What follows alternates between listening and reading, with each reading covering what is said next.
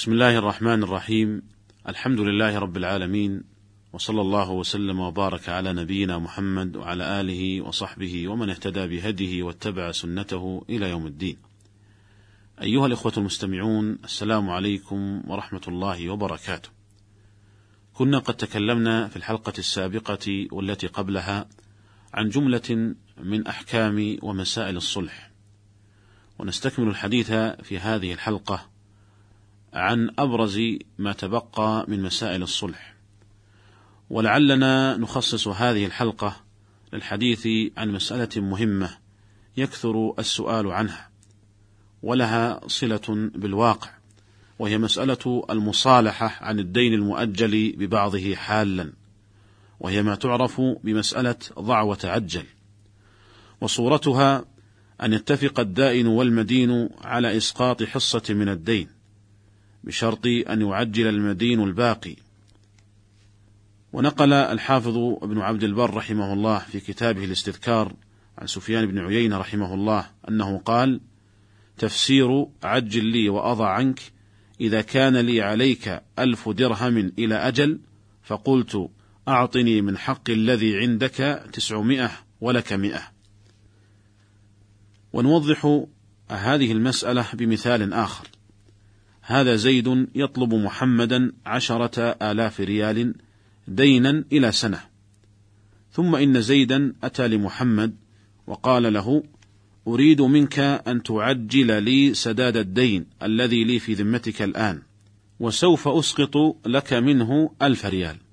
فما حكم هذا العمل؟ سبق أن ذكرنا في حلقات سابقة أنه لا تجوز الزيادة في الدين مقابل زيادة الأجل. ومسألتنا هذه على العكس من ذلك فهي إسقاط لبعض الدين نظير إسقاط الأجل أو بعضه. وللفقهاء في حكمها قولان مشهوران. القول الأول أنه لا يجوز التعامل بمسألة ضع وتعجل. وقد روي هذا القول عن عدد من الصحابة رضي الله عنهم منهم عمر بن الخطاب وزيد بن ثابت وعبد الله بن عمر والمقداد بن الأسود رضي الله تعالى عنهم. وروي كذلك عن عدد من التابعين منهم الحسن البصري وسعيد بن المسيب وسالم بن عبد الله بن عمر وحماد بن أبي سليمان. وروي هذا القول كذلك عن سفيان الثوري وعن إسحاق بن راهويه وعن الشعبي رحمهم الله تعالى جميعا.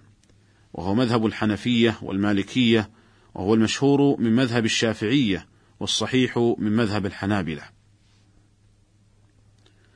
والقول الثاني في المسألة هو جواز التعامل بمسألة ضع وتعجل، وقد روي هذا القول عن ابن عباس رضي الله عنهما، وعن إبراهيم النخعي وأبي ثور وابن سيرين وزفر بن الهذيل من الحنفية، وهو رواية عند الحنابلة. وبعد أن ذكرنا خلاف العلماء في هذه المسألة، ننتقل للكلام عما استدل به أصحاب كل قول، ثم الموازنة بينها والترجيح. فنقول استدل الجمهور لقولهم بعدم جواز مسألة ضع وتعجل بما جاء في سنن البيهقي عن المقداد بن الأسود رضي الله عنه قال أسلفت رجلا مئة دينار ثم خرج سهمي في بعث بعثه رسول الله صلى الله عليه وسلم فقلت له عجل لي تسعين دينارا وأحط عشرة دنانير. فقال نعم.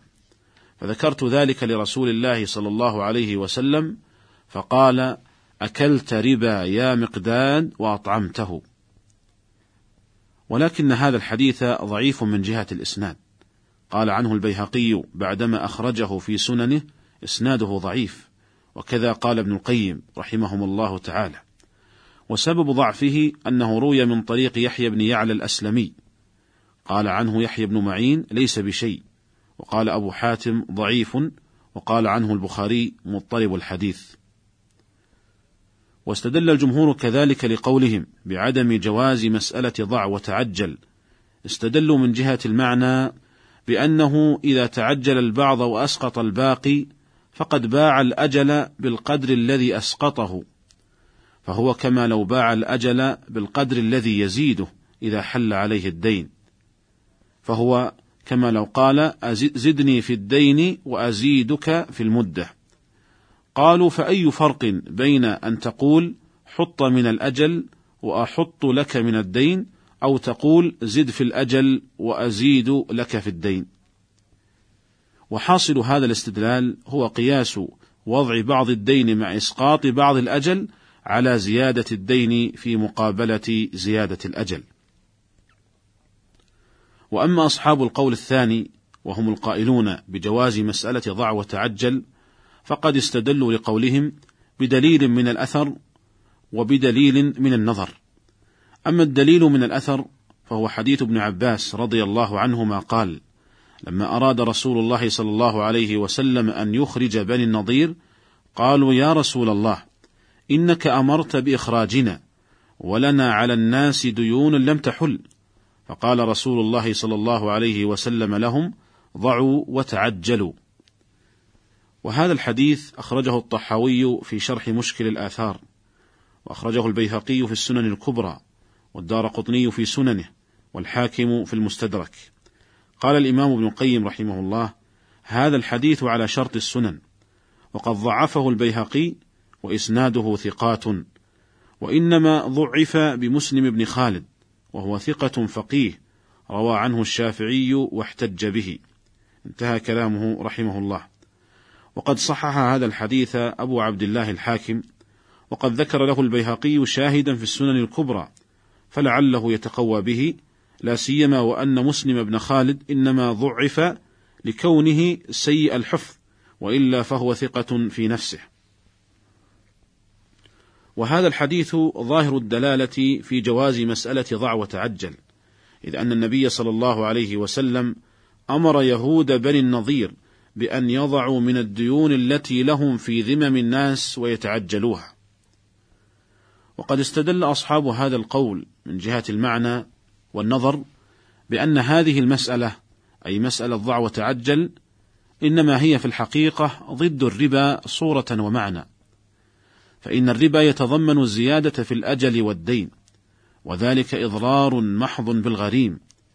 وهذه المسألة تتضمن براءة ذمة الغريم من الدين وانتفاع صاحبه بما يتعجله. فكلاهما حصل له الانتفاع من غير ضرر بخلاف الربا المجمع على تحريمه. فإن ضرره لاحق بالمدين ونفعه مختص برب الدين.